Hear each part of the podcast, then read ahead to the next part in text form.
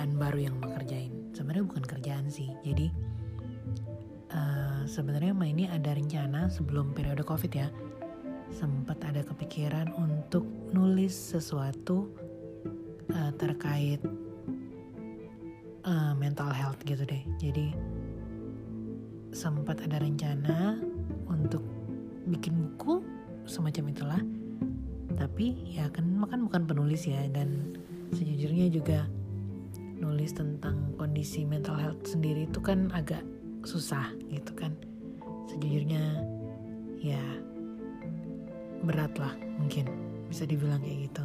Jadi uh, awalnya mah kayak maju mundur gitu terus uh, secara kebetulan ketemu sama temennya temen yang ternyata kerjanya itu editor gitu di salah satu penerbit. Terus uh, beliau ngajak ngobrol dan menawarkan kak ma kita mau nggak bikin buku bareng? Gitu kan. Jadi uh, terus aku dikasih contoh buku yang uh, arah arahnya di apa namanya arahnya mau dibikin kayak gitu gitu.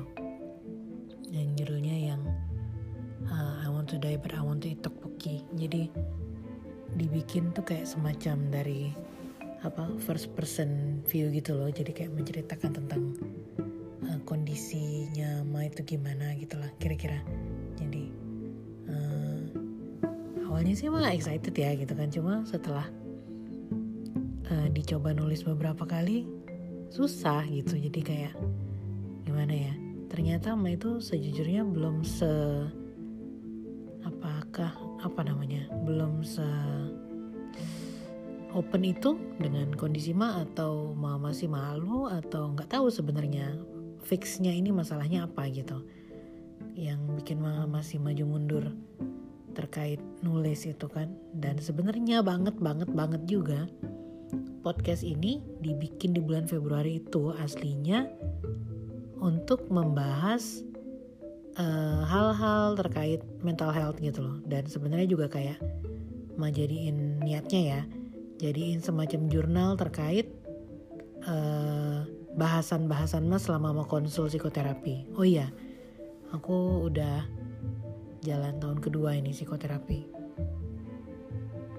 Nah, maksudnya kan semacam kayak mengingat gitu dan harapannya kalau kemarin jadi bikin podcast yang terkait mental health gitu, nanti hasil podcastnya itu bisa dirangkum jadi tulisan gitu. Tapi ternyata kan gak dibikin waktu dari Februari uh, podcastnya udah dibikin tapi nggak ngepost sama sekali sampai akhirnya aku memutuskan ah udahlah bawa lucu-lucuan aja bikin review drama. Eh giliran bikin review drama rajin di post jadi kan ya mah agak mikir juga ini jadi sebenarnya mah masalahnya apa? Gitu. Kalau masalahnya nggak berani ngomong toh kalau ngomongin drama kok kenceng gitu.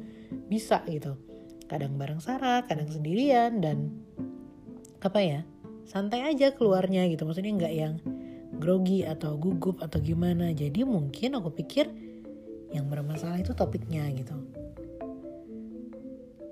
Ya jadi mas selama beberapa bulan ini berusaha untuk gimana caranya bisa kembali ke rencana awal atau mungkin dengan menggunakan metode yang beda gitu.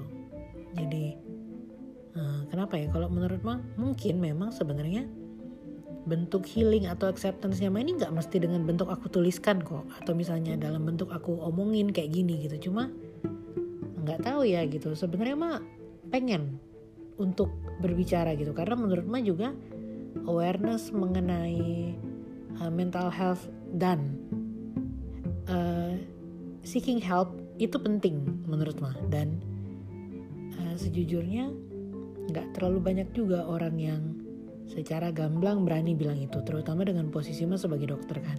Jadi uh, pengakuan bahwa uh, ma membutuhkan pertolongan dan ma mencari pertolongan dan sedang uh, berada dalam fase itu itu menurut ma hal yang penting itu siapa tahu ada orang yang merasa mereka membutuhkan uh, semacam dorongan terakhir bahwa kamu nggak apa-apa kok konsul gitu. Ma sebenarnya pengen banget untuk bisa membantu di sisi itu.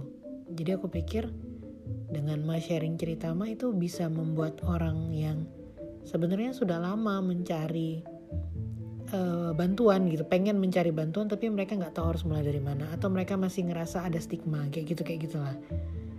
Ya makanya karena merasa bahwa sebenarnya tujuannya bagus jadi harusnya aku bikin gitu aku mulai gitu. Cuma ya gitulah nyangkut terus.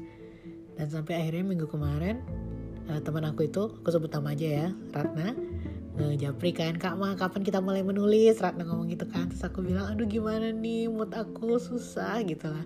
Karena sejujurnya juga se selama periode karantina ini kan mah beneran gak keluar rumah ya gitu kan. Jadi kayak mungkin enam bulan terakhir ini aku bisa dihitung jari lah nggak nyampe 10 kali keluar rumah gitu. Itu pun juga paling ya di mobil atau gimana. Kalau nggak kepepet banget aku harus keluar nggak keluar. Jadi ya mau nggak mau kan ada lah ya pengaruhnya gitu. Gimana sih? 6 bulan gak keluar rumah rasanya gitu.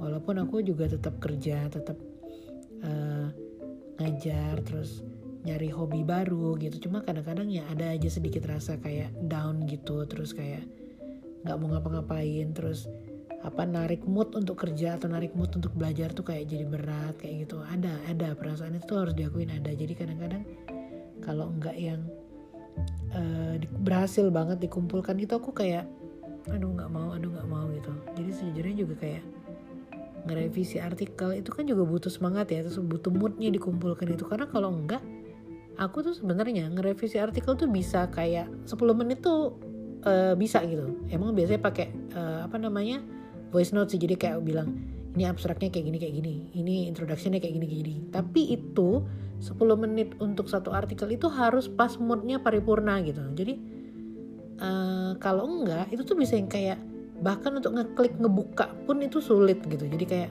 aduh aduh malas banget aduh aduh nggak bisa aduh nggak bisa. Dan sudah dibuka pun tuh kayak ini apa sih ini apa sih gitu. Jadi kayak ya nggak ini apa namanya nggak maksimal gitu. Jadi ya kayak gitulah. Tapi ya balik lagi setelah diingetin sama Ratna aku jadi pikir oh iya ya atau bisa jadi salah satu kegiatan yang aku bisa kerjain selama karantina ini gitu. Jadi akhirnya kebetulan banyak banget ya kebetulan dalam hidup ini. Ada salah satu mahasiswaku yang ngepost di Instagramnya kalau dia ikut kayak writing challenge gitu kan. Terus uh, aku kepikiran ah apa aku ikut juga aja ya gitu kan. Terus aku mention ke Ratna ini bisa jadi pemanasan aku nggak? Aku bilang gitu kan. Udah kak ikut aja kak aku bilang gitu jadilah akhirnya aku uh, memulai ikut writing challenge itu selama 30 hari. Ini baru hari keempat aku.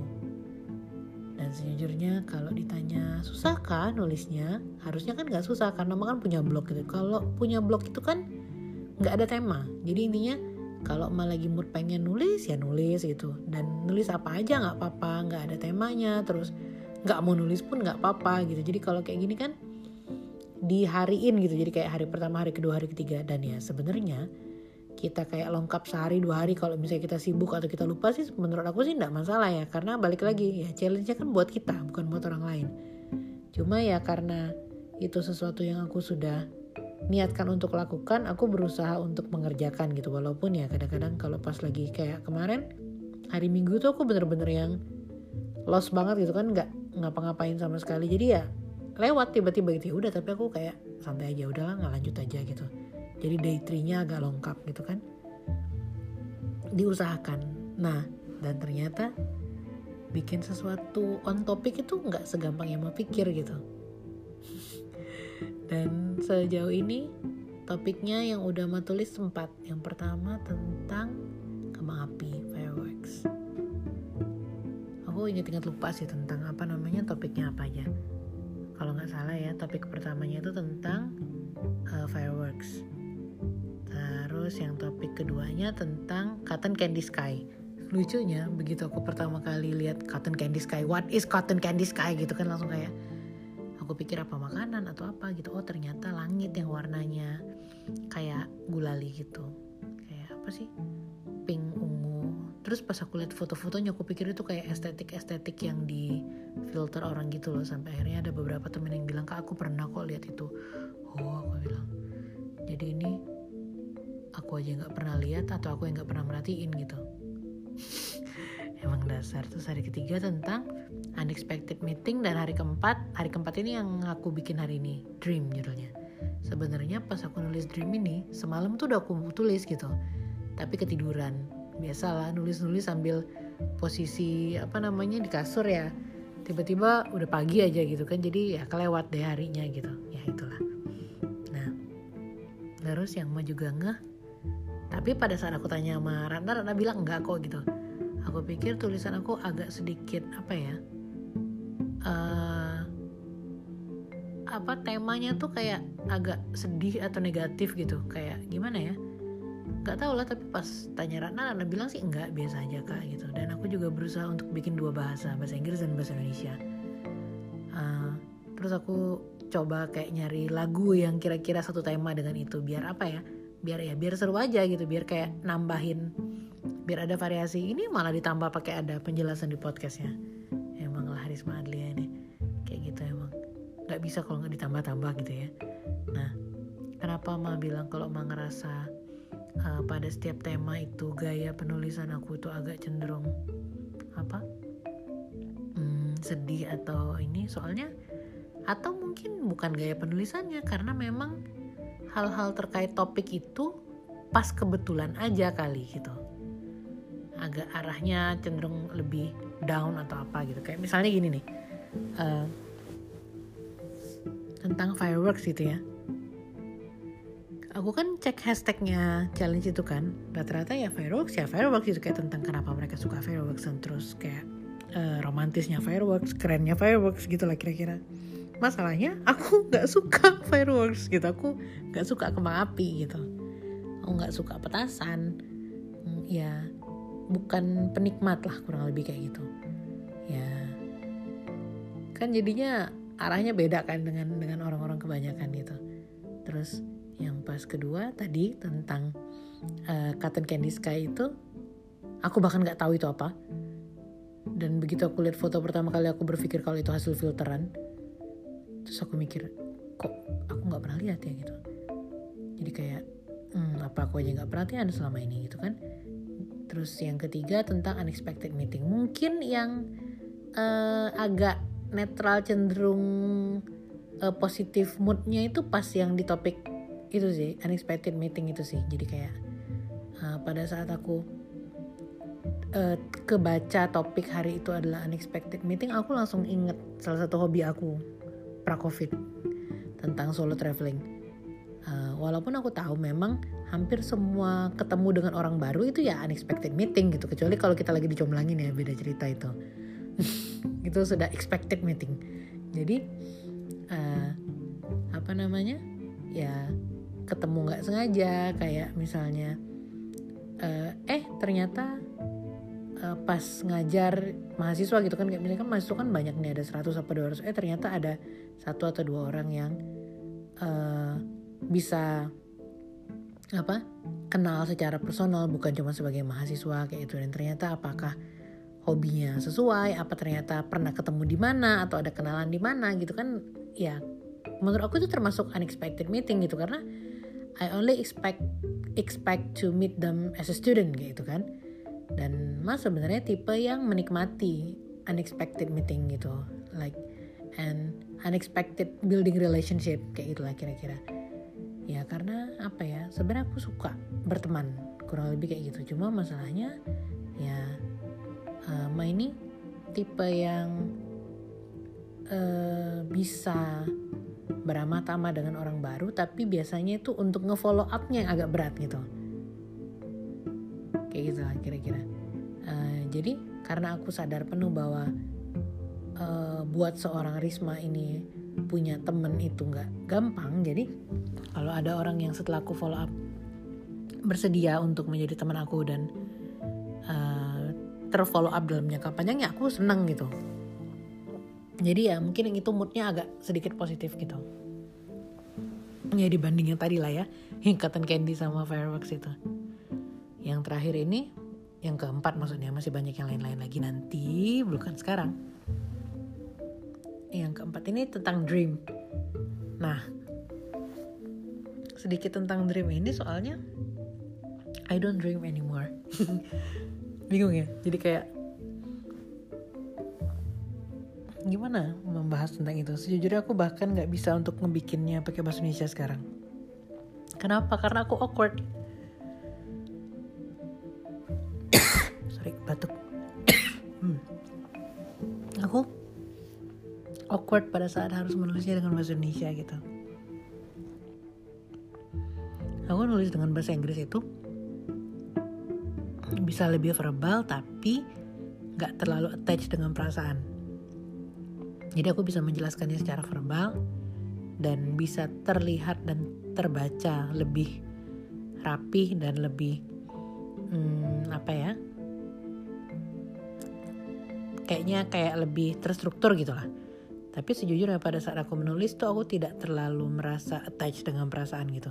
Tapi kalau aku nulis pakai bahasa Indonesia, walaupun gaya bahasanya jauh lebih santai daripada bahasa Inggris, itu kayak apa ya? Nempel gitu. Makanya pada saat kan aku rencana mau mau kayak tadi kan formatnya bahasa Inggris, bikin lagu terus bahasa Indonesia. Nah, pada saat mau terus bahasa Indonesia, yang topik dream ini agak berat buat Ma gitu. Tadi aku udah berapa kali berusaha nulis kan terus aku ngeles-ngeles. Lama-lama aku sudah kayak apal pola diri sendiri gitu loh distraksi distraksi distraksi ya sebenarnya mungkin ya kayak menunda-nunda untuk menulis kayak gitu karena menulisnya dalam bahasa Indonesia itu mungkin lebih hmm, sulit lebih berat gitu. Ya kalau aku narasiin aja ya kalau dalam bahasa Inggrisnya itu intinya. Hmm, dulu aku sering uh, mimpi gitu kayak punya mimpi terus membayangkan sesuatu kayak gitu kan kayak membayangkan nanti aku mau jadi apa nanti aku kayak gimana gitu kan terutama waktu zaman zaman kecil ya terutama pas zaman uh, sekolah atau kuliah awal-awal gitu. Kayak dan variasi uh, bayangan mimpi-mimpi aku tuh banyak. Jadi nggak cuma satu tipe uh, arah mimpinya gitu. Jadi kayak mulai dari tentang nanti aku bakal jadi orang kayak gimana nanti karir aku bakal gimana gitu. Terus kayak bahkan kalau ma itu bukan tentang mimpi aja bahkan aku dulu itu punya goals kayak one years goal five years goal. Jadi kayak aku target satu tahun ngapain sih? Itu lima tahun gimana sih? 10 tahun gimana sih? Kayak gitulah. Terus aku kayak banyak lah mimpi-mimpi atau bayangan-bayangan zaman-zaman waktu kecil itu kayak nanti mau jadi orang kayak gimana terus uh, ma nanti kalau punya rumah sendiri kayak gimana bentuknya kayak ma nanti bakal punya kehidupan yang seperti apa kayak gitu. Nanti mah pada saat apa namanya pada saat mas sekarang ini maksudnya waktu masih kecil kan nanti bakal ngapain terus kayak uh, apa apakah mah hidup sesuai dengan passion mah atau enggak terus kayak nanti apa namanya aku dulu sempet kayak mimpiin kayak ngebayangin gitu kan. Nanti aku bakal nikah sama orang kayak gimana aku bakal punya anak yang kayak gimana gitu kan. Terus kayak uh, ada juga periode kayak membayangkan gimana ya kalau aku dulu nggak kayak gini gimana ya kalau aku dulu kayak gini terus kayak gimana ya kalau masa lalu masa lalu ini kayak uh, apa namanya nggak pernah kejadian kayak gitu kayak gitulah. Sekarang bahkan yang kayak gitu pun tuh kayak eh sudahlah gitu kayak kayak ya udah gitu mau diapain lagi. Aku nggak tahu kalau itu sepenuhnya jelek sih gitu kan karena mungkin ya terutama kayak masa lalu yang itu yang di ya udahlah gitu kan ya mungkin ya nggak buruk juga gitu. Cuma kenyataan jadinya mah berpikir untuk ya udahlah nggak usah mikir macam-macam nggak usah nggak usah mimpiin hal-hal yang gimana gitu. Soalnya mah takut sih jatuhnya kayak mimpi itu aku takutnya jadi ekspektasi kan jadi kayak kalau aku mengharapkan hal-hal yang ini sedih lagi nanti gitu kalau nggak kesampaian kan. Karena memang karena ini tipe orang yang memang sebenarnya punya banyak ekspektasi uh, biasanya memang hal yang menyebabkan jadi sedih ya gara-gara itu. Kepengenan gak kesampaian kayak gitulah mimpi itu kan bentuk harapan sebenarnya kalau buat mah. Makanya bahkan aku di tulisan aku yang di bawah tuh aku sampai bilang bahwa aku jangankan untuk kayak mimpi yang kayak mimpi kamu apa? kayak gitu kan mimpi yang uh, apa namanya figuratively ya. Bahkan mimpi yang yang literally pun aku tuh jarang mimpi. Ya tapi kalau dibalik lagi mungkin lebih bagus jarang mimpi gak sih daripada mimpi buruk? Ya kan? Jadi nggak tau lah dibanding fireworks dan uh, apa tadi? Cotton Candy Sky ya dan tentu saja unexpected meeting. Dream ini salah satu yang aku challenging lah untuk nulisnya. Tapi aku berusaha menulis. Kalau aku berencana habis ngomong ini aku bakal nulis. Uh, gak tahu ya. Aku berencana untuk meneruskan sih. Dan siapa tahu setelah ini jadinya lebih termotivasi untuk nulis atau juga jadi termotivasi untuk lebih open termasuk untuk membahasnya di podcast itu nanti nanti. I don't know when maybe right?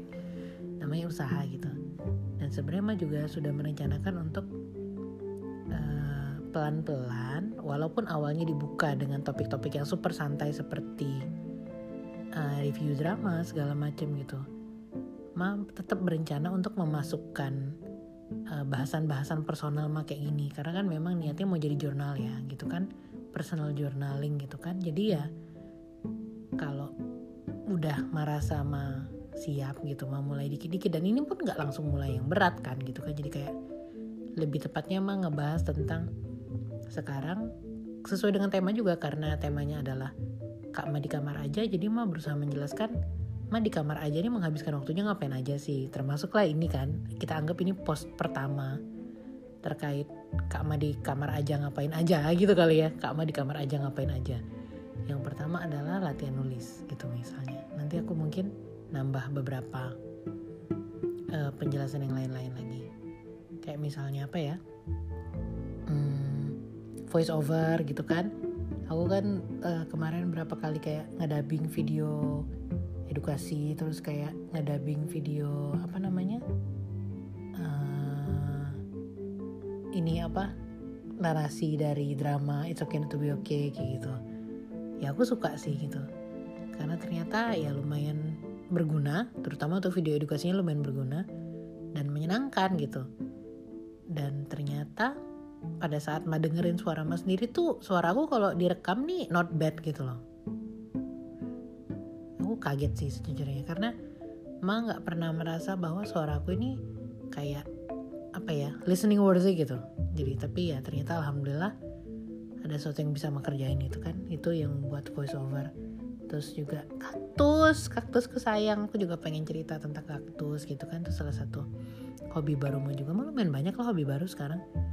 Memang ya dipikir apalah gitu yang mau bisa kerjain selama di kamar aja ini supaya aku kayak nggak suntuk banget gitu. Terus sekarang juga mau mulai belajar invest saham. Jadi ya mau berusaha melakukan sesuatu yang uh, positif gitu produktif supaya nggak bengong aja gitu kan. Karena kadang-kadang kalau emang mood belajarnya nggak keluar itu ya sulit memang gitu. Nggak bisa dipaksa. Apalagi kalau kayak mau revisi atau mau nulis gitu. Sejujurnya aku sekarang yang bener-bener nulis sendiri itu hampir nggak ada sih. Jadi kayak uh, aku kayak bagi kerjaan gitu. Misalnya nih kayak untuk artikel mahasiswa gitu ya. Jadi kan mah biasanya ngejelasin topiknya apa uh, kayak kerangkanya kayak gimana. Jadi biasanya aku yang bikinin mereka kerangka konsep gini gini gini terus aku kasih kayak briefing apa yang harus dilakukan terus kadang-kadang aku yang siapin kuesionernya juga. Uh, jadi Ma tuh biasanya emang tipenya kayak gitu. Jadi kayak tipe yang konseptor. Jadi aku yang konsep segala macam bikin gini-gini ya mereka kerja. Jadi sebenarnya mereka tuh kayak enum sih.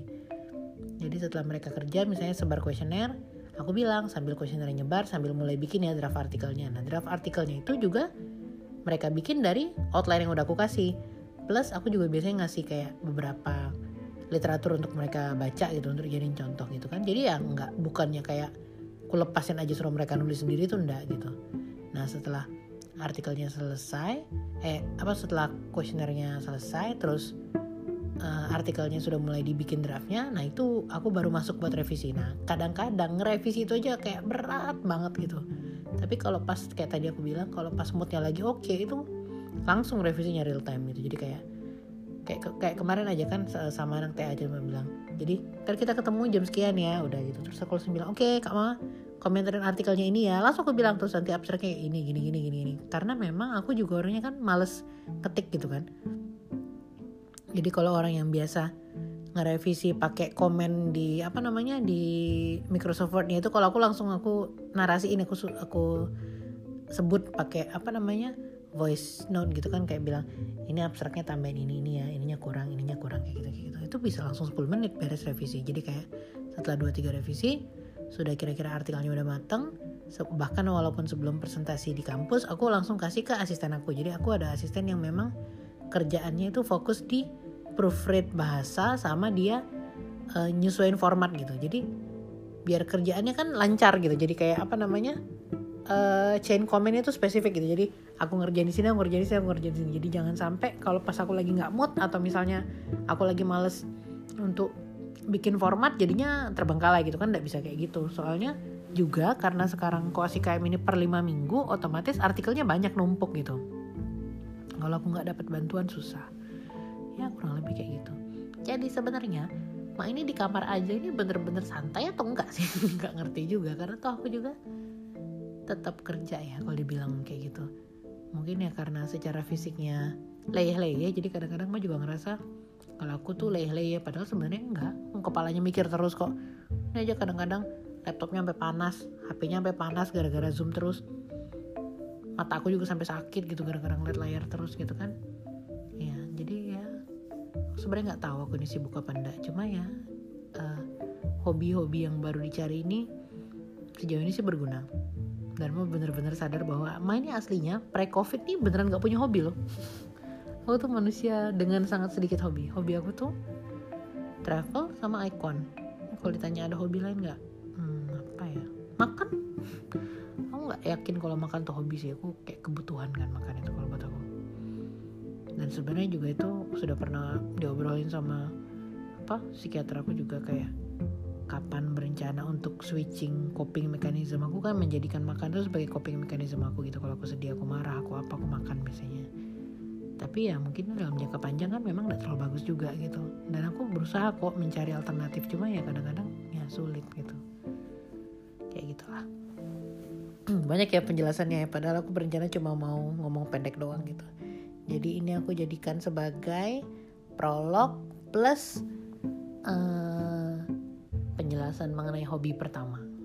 Yang apa namanya? Latihan menulis itu nanti mungkin bakal aku nulis eh membahas tentang hobi-hobi yang lain tapi mungkin diseling-selingin sama review kali ya biar nggak jadi beban juga mau ngomongnya gitu kan.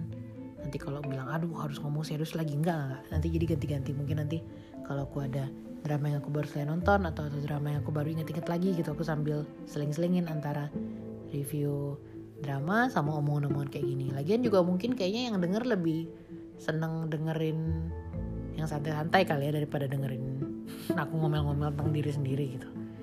Siapa lagi yang mau dengerin? Jadi kalau ada yang mau dengerin ya nggak apa-apa sambil doain ya gitu. Semoga aman-aman aja. Semoga kita semua aman-aman aja selama di rumah aja ini dan supaya ma, uh, apa kondisi kesehatan mentalnya juga tetap terjaga bisa segera lebih baik lagi dan bisa mendapatkan hobi-hobi yang lebih positif lagi dan lebih produktif lagi, lebih berguna lagi buat orang banyak. Kayak gitu sih aku pengennya. Moga-moga mah nggak tahu ya apakah bagus buat mau untuk jadi bikin buku atau enggak jadi bikin buku nggak tahu juga. Tapi aku berdoa semoga uh, outputnya baik terlepas dari akhirnya aku jadinya bikin atau nggak bikin gitu. Ya kurang lebih kayak gitu sih Bismillah guys. Makasih banyak. Section pertama dari Segmen baru kita Akan dimulai ini Sudah selesai. Sampai ketemu dengan Kak Ma di kamar aja berikutnya. Bye bye